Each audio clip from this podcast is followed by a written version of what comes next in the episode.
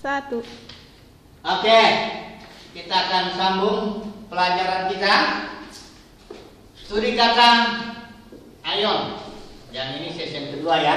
Sesi pertama kita sudah buktikan bahwa ion tidak bisa diterjemahkan kekal. Kenapa? Karena ion itu ada awalnya, ada akhirnya. Ya, ion itu punya awal dan ada akhirnya. Kita sudah baca beberapa ayat. Dan kalau sesuatu yang ada awal dan ada akhirnya itu berarti waktu. Ya, jadi ion itu seharusnya diterjemahkan di zaman. Hari ini kita akan melihat beberapa kontradiksi yang terjadi di Alkitab kalau seseorang salah menerjemahkan ion. Kalau diterjemahkan kekal, maka kita akan melihat ada beberapa kontradiksi. Ada banyak ya, tapi hari ini kita hanya baca uh, akan melihat empat poin ya kontradiksi-kontradiksi itu. Perhatikan ya, yang pertama ada ayat yang membicarakan waktu sebelum ayat. Perhatikan dulu ini. Ini ayat-ayat kumpulan ayat yang berbicara waktu. Jadi kira-kira begini. Di sini ada waktu. Tahu-tahu di sininya ada ayat. Nah, perhatikan ayat-ayatnya ini ya. Baca dulu 2 Timotius 1 ayat 9. Versi LAI dulu. 2 Timotius 1 ayat 9 demikian firman Tuhan Dialah yang menyelamatkan kita dan memanggil kita dengan panggilan kudus bukan berdasarkan perbuatan kita melainkan berdasarkan maksud dan kasih karunia-Nya sendiri yang telah dikaruniakan kepada kita dalam Kristus Yesus sebelum permulaan zaman. Dikatakan di situ versi LAI sebelum permulaan zaman. Kita lihat dulu untuk versi ILT-nya. 2 Timotius 1 ayat 9 versi ILT. Dia yang telah menyelamatkan kita dan yang telah memanggil dengan panggilan kudus bukan berdasarkan perbuatan kita, melainkan berdasarkan maksud dan anugerahnya sendiri yang telah diberikan kepada kita di dalam Kristus Yesus sebelum waktu yang kekal. Sebelum waktu yang kekal ya di situ ya. Nah, ini terjemahan ILT. Istilah Yunaninya di sini adalah pro. Pro itu sebelum ya. Kronon itu waktu. Kronon. Ion ini ini uh, kata sifat adjektif ya. Aion nion. Nah ini. Perhatikan istilah Yunani ini. Kalau ion ini diterjemahkan kekal, kayak seperti LT bikin, itu berarti ada kontradiksi di sini. Perhatikan ini kontradiksinya nih. Kontradiksinya masa sebelum kekal ada waktu? Ini ini kontradiksi nih. Kalau kalau kekal ya tidak bisa ada waktu sebelumnya. Di sini selalu sebelumnya ada waktu. Tahu di sini kekal. Itu berarti kesalahan terjemahan ini kekal ya. Kekal ini terjemahan ayat tidak bisa dibilang diterjemahkan karena nanti ada kontradiksi. Jadi sebenarnya terjemahannya yang tepat itu uh, lebih lebih dekat ini, RAI ya. Sebelum permulaan zaman. Ada lagi terjemahan King James. Ini adalah beberapa terjemahan yang bahasa Inggris ya. Saya coba bacakan. Uh, King James Version Before the world began Ini dunia Ayat diterjemahkan dunia Sebelum dunia mulai. Masih masih masuk akal artinya. Dunia ini adalah arti Ketika Tuhan menciptakan langit bumi laut dan segala isinya Dan sekaligus menciptakan waktu Maka terjadi pemilihan sebelum itu. Bisa? Ya? King James itu ya. Tapi kalau terjemahan American Standard Version Ini salah. Dibilang before times eternal. Kayak gini. Sebelum waktu kekal. Ini ini ini kontradiksi. Jadi yang paling bagus, paling tepat ayo diterjemahkan di sini dunia bisa atau zaman. Ya, yang jelas ini bukan kekal. Oke ya. Jadi ya, kalau kita menerjemahkan ayun dengan kata kekal, maka terjadi kontradiksi. Ini satu ya. Oke, yang kedua, kita lihat kontradiksi-kontradiksi kalau ayun diterjemahkan kekal. Mari kita melihat Yehezkiel 16 ayat 55. Silakan baca LAI. Yeskiel 16 ayat 50. Oh, ada ayatnya. Oke, baca dulu. Mengenai kalau kamu Sodom bersama anak-anaknya perempuan akan dipulihkan ke dalam keadaan semula. Samaria juga bersama anak-anak perempuan akan dipulihkan ke dalam keadaannya semula. Dan engkau pun bersama anak-anakmu perempuan akan dipulihkan keadaan ke dalam keadaanmu semula. Perhatikan ayat itu berbicara tentang pemulihan Sodom. Ya, perhatikan ayat Yeskiel yang baru dibaca itu Yeskiel 16 ayat 55 berbicara tentang pemulihan Sodom, restoration ya, pemulihan Sodom. Bandingkan ini ya ayat Yeskiel Yeskiel 16 ayat 55 kita coba bandingkan dengan Yudas. Ayat 7 Yudas ayat 7 sama seperti Sodom dan Gomora dan kota-kota sekitarnya yang dengan cara yang sama melakukan percabulan dan mengejar kepuasan-kepuasan yang tak wajar. Telah menentukan siksa api yang kekal sebagai peringatan kepada semua nah orang. perhatikan. Api yang ini ayo diterjemahkan kekal ya di istilah lain. Ada yang baca istilah ILT Yudas ayat 7 Tuh, tuh, cari dulu. Yudas. Yudas ayat 7 ILT ya ILT ya Salah satu. Salah satu Pak. Ya ada. Ayat tujuh. kamu ILT Iya. ya Iya. Iya. ya coba baca Yudas salah satu ayat 7 Seperti halnya Sodom dan Gomora dan kota-kota di sekitarnya yang gayanya serupa dengannya yang menyerahkan diri kepada percabulan dan mengumbar kedagingan yang aneh mereka dipertontonkan sebagai contoh contoh orang-orang yang menjalani hukuman api yang kekal. Nah, ILC juga api yang kekal. Mari kita lihat kontradiksinya ya. Perhatikan ya. Karena ion di sini, ion di sini di ayat ini diter- diterjemahkan kekal. Kita lihat kontradiksinya, langsung kelihatan. Di ayat Yehezkiel dikatakan bahwa Sodom itu tidak mengalami api kekal. Karena di ayat ini, ini khususnya kalau mau dibaca semua ayat 50 sampai 56, ini konteksnya pemulihan Sodom. Sodom dipulihkan, dia hanya mengalami hukuman sementara. Tapi kalau kita lihat di Yudas, kalau memang ayat diterjemahkan kekal, seolah-olah Sodom itu dihukum dengan api yang kekal. Nggak ada, Sodom itu enggak. Kalau arkeologi itu menilai juga kota Sodom nggak ada lagi api kekal di situ, nggak ada lagi api di situ. Kenapa ada kontradiksi ini antara Yeskiel dengan Yudas? Karena Ayon salah diterjemahkan. Harusnya Ayon diterjemahkan di sini waktu atau zaman. Jadi api yang ada waktunya, ya. Coba perhatikan ini bahasa terjemahan apanya. Uh, Yunaninya Puros ini api ya. Aion Nion. Ya. Jadi di sini harusnya diterjemahkan fire ini api ya. Fire api eonian. Ini bahasa Inggris ya, eonian.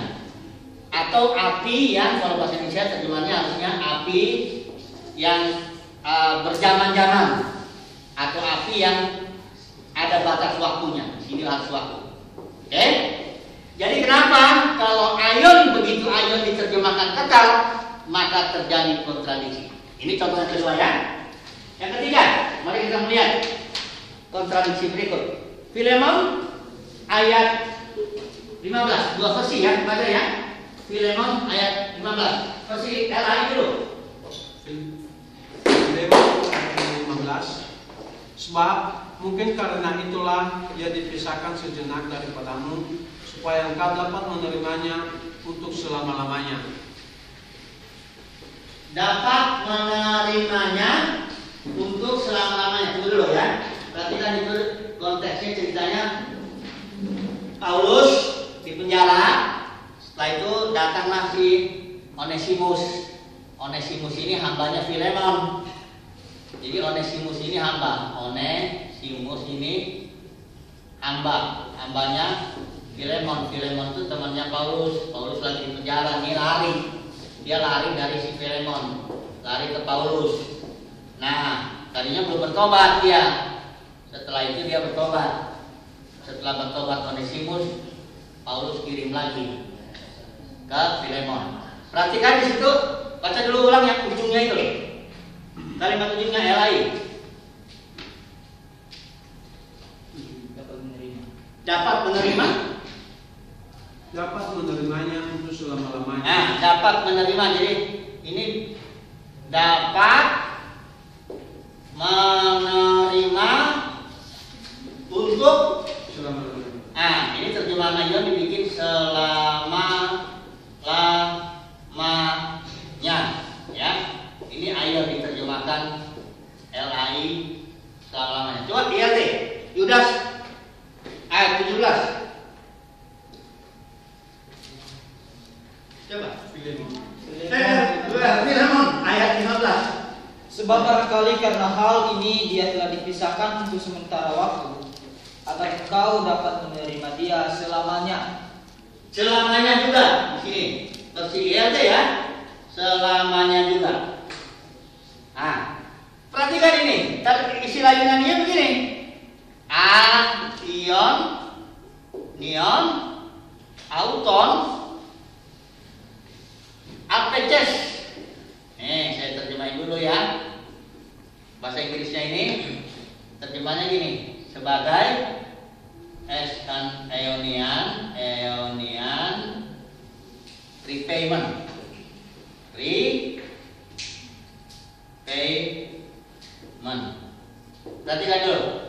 Kalau Aion diterjemahkan selama-lamanya, berarti Paulus mengatakan bahwa artinya menerima pemahaman perbudakan selamanya.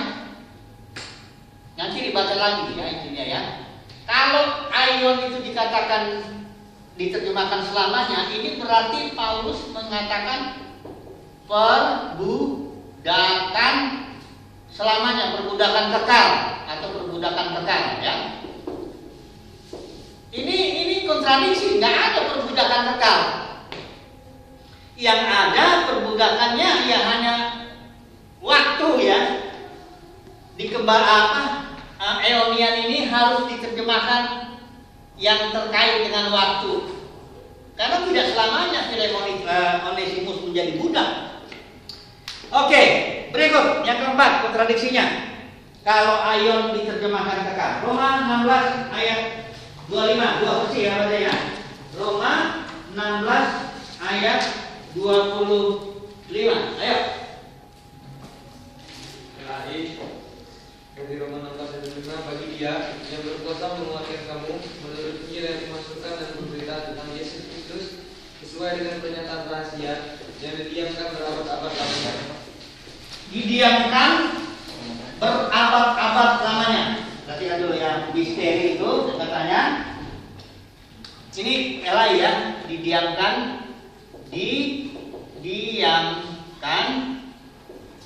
Ayo diterjemahkan berabad-abad. Ini ada ada benarnya juga nih, berabad-abad lamanya.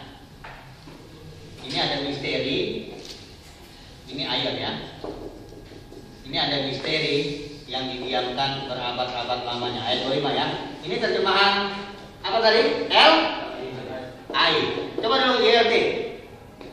YLD Roma pasal 16 ayat 25 dan bagi dia yang sanggup meneguhkan kamu sesuai dengan Injil dan pemberitaanmu tentang Yesus Kristus sesuai dengan penyingkapan dari rahasia yang telah didiamkan pada waktu yang kekal Didiam didiamkan.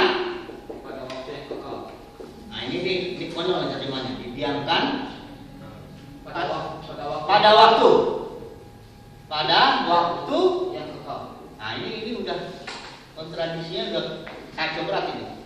Karena ini perhatikan yang ini ayat 25 ya, bahwa Paulus mengatakan misteri itu didiamkan ayon. Ini dari terjemahan dulu ya, pokoknya didiamkan ayon. Coba lihat ayat 26. Ayat 26 baca. Sambung lagi dari yang uh, lain dari IRT. Ini IRT. Ayat 26-nya.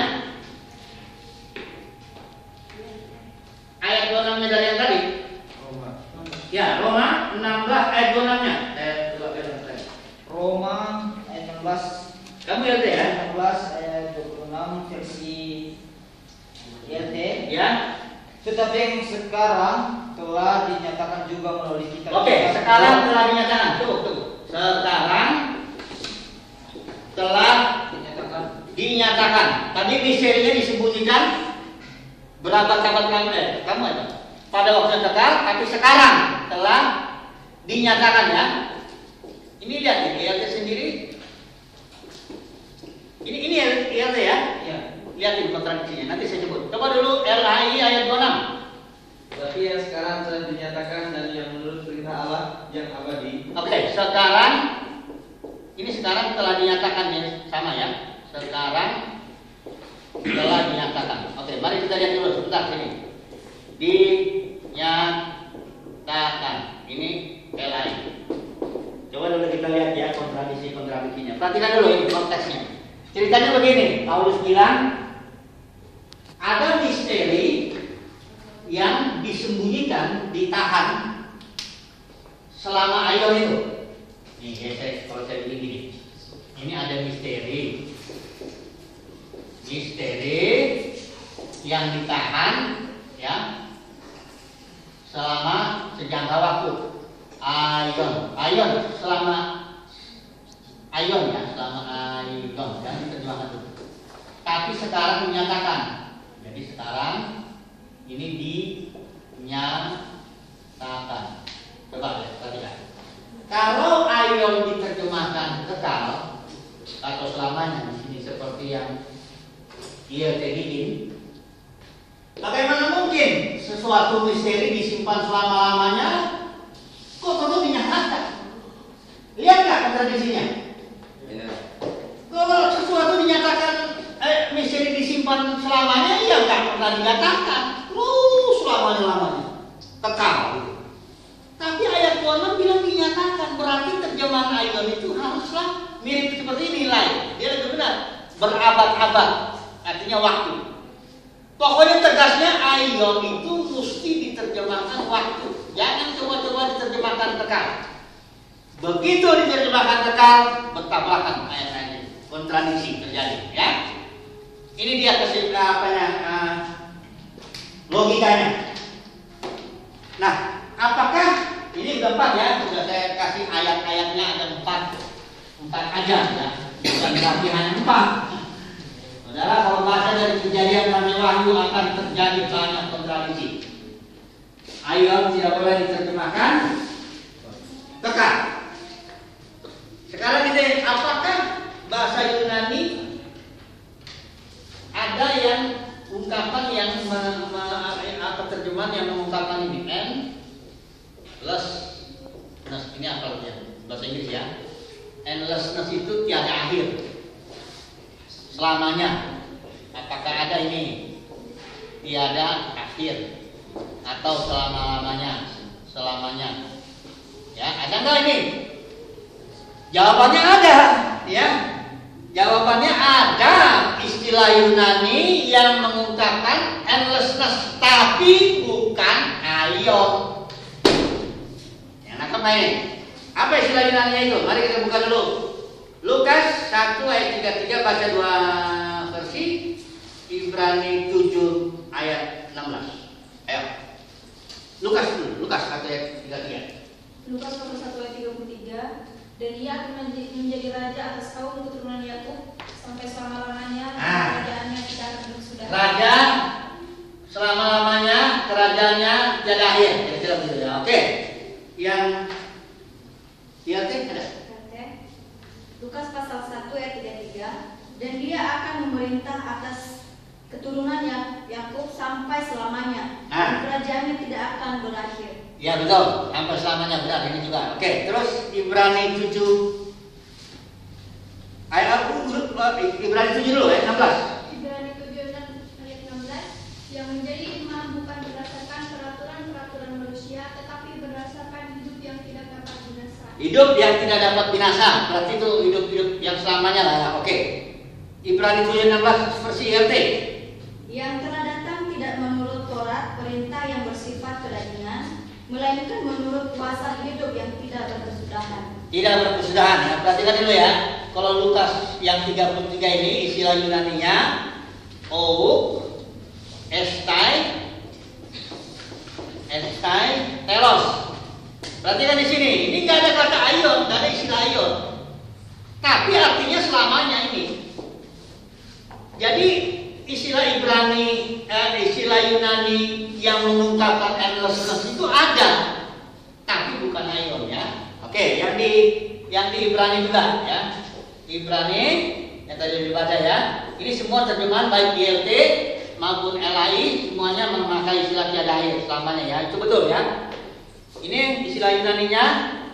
Ini hidup yang tidak binasa itu zoe, ini aka taluton, talu bukan taluton, tul- taluto. Ya, istilah yang dipakai selamanya itu bukan ayon.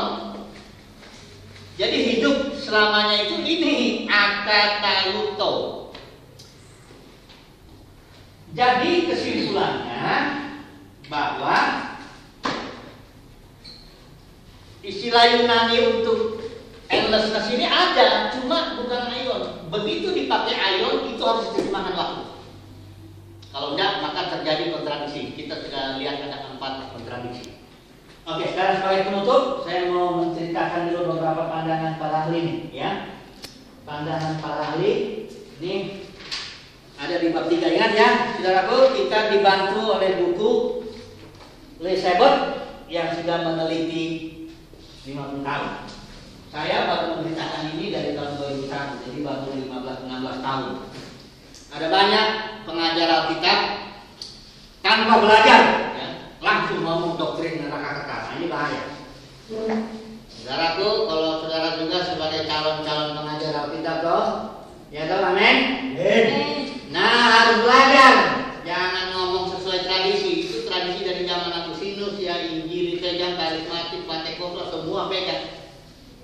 Ada tanya orang-orang langsung pengajar itu ngomong doktrin neraka kekal tanpa pernah belajar barang-barang lima menit pun. Cuma ikut aja, oh katanya neraka kekal, saya ikutin aja. Langsung dia ngomong di mimbar dengan berani. Adalah kitab sama sekali tidak mengatakan itu. Sekali lagi ya, jadi nanti kita tim bikin terjemahan Alkitab sudah pakai kata kekal ya. Oke? Amin ya. Amin. Ya, sekarang kalian dulu pada para ahli. Ini Ini nih, saya ada bukunya soal ini. Vincent Good Studies New Testament. Ya, ini dia. Vincent sendiri memberikan terjemahan dia bilang begini. Halaman yang ke 5 ini halaman yang ke 59 ya. Perhatikan ini ya.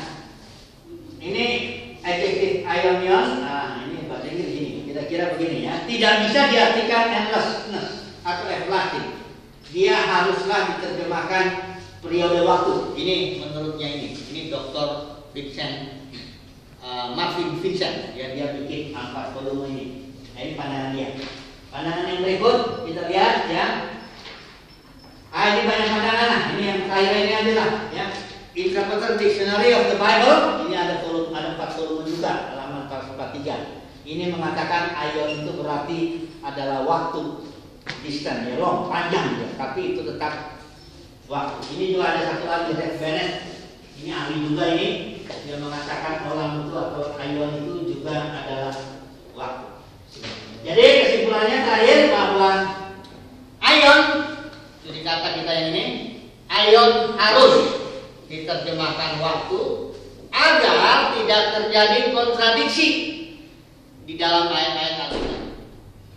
Kalau ditanya apakah ada ungkapan Yunani yang ungkapan endlessness ada, tapi bukan ion, yaitu telos dan akataluto.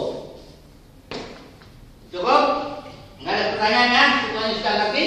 Amin? Amin. Amin. Cukup.